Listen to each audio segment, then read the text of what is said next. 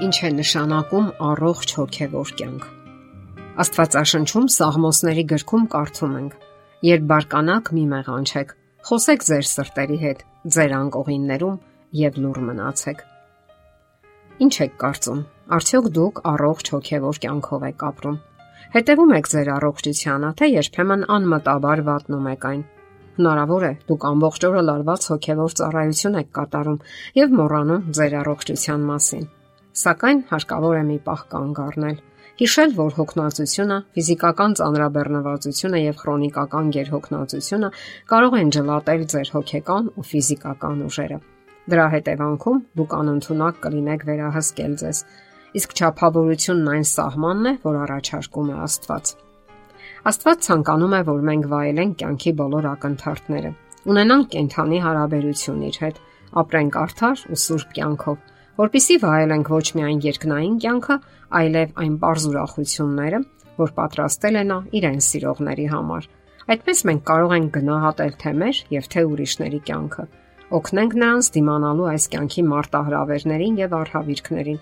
Ուշադրություն դրսևորենք այն փխրուն հոգիների հանդեպ, ովքեր միայնակ են եւ արտակինից են միայն ուժեղ թվում։ Նորովի գնահատենք ներկա իրավիճակը եւ մեզ ապարգևված յուրաքանչյուր ակնթարթը Սովորենք գնահատել ու օգտագործել յուրաքանչյուր ակնթարթը, հասկանալու պահի հրամայականը։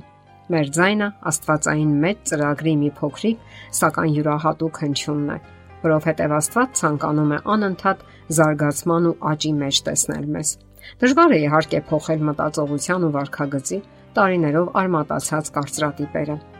Դժվար է, բայց ոչ անհնար խաղաղություն որոնելով, մշտական փոխհարաբերություն պահպանելով Աստծո հետ եւ մարդկանց օգնելով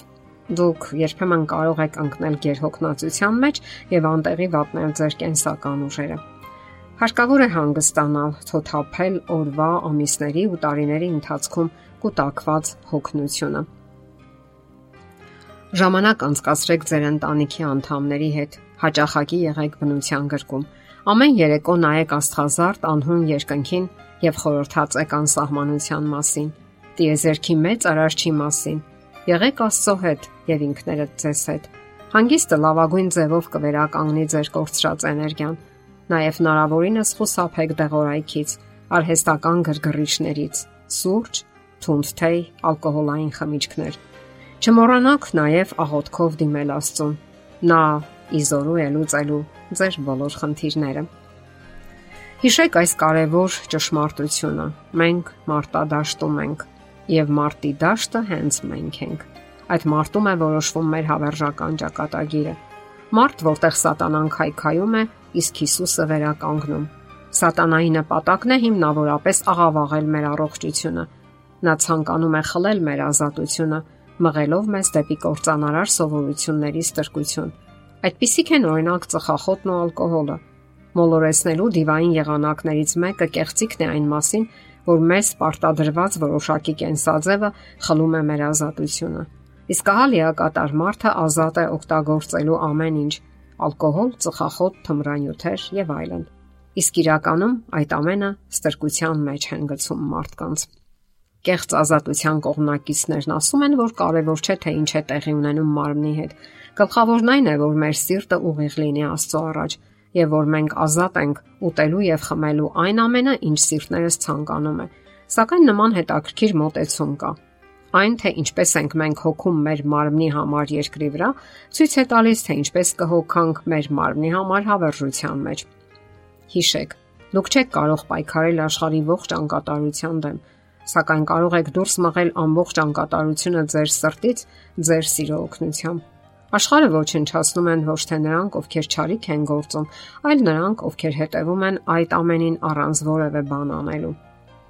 Ունեցեք ընտանեկան ծառայության ժամեր։ Դրանք չպետք է լինեն ձանձրալի եւ անհետաքրքիր։ Դրանք պետք է անցնեն շարժում, ուրախ եւ զվարթ մտնոլորտում եւ անկասկած ստեղծագործական։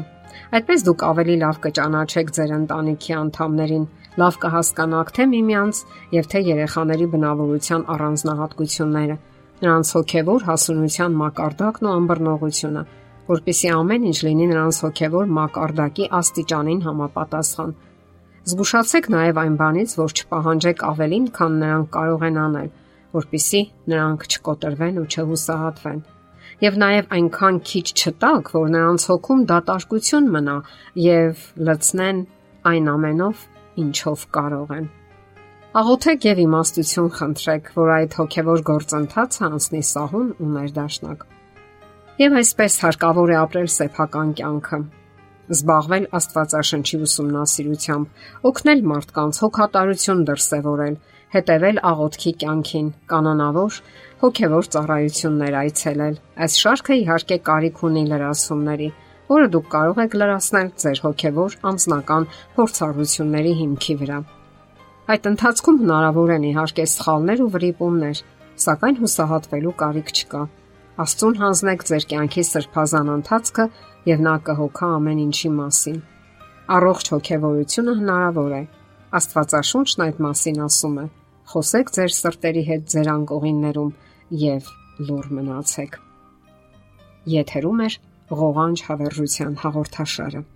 Հարցերի եւ առաջարկությունների համար զանգահարել 033 87 87 87 հեռախոսահամարով։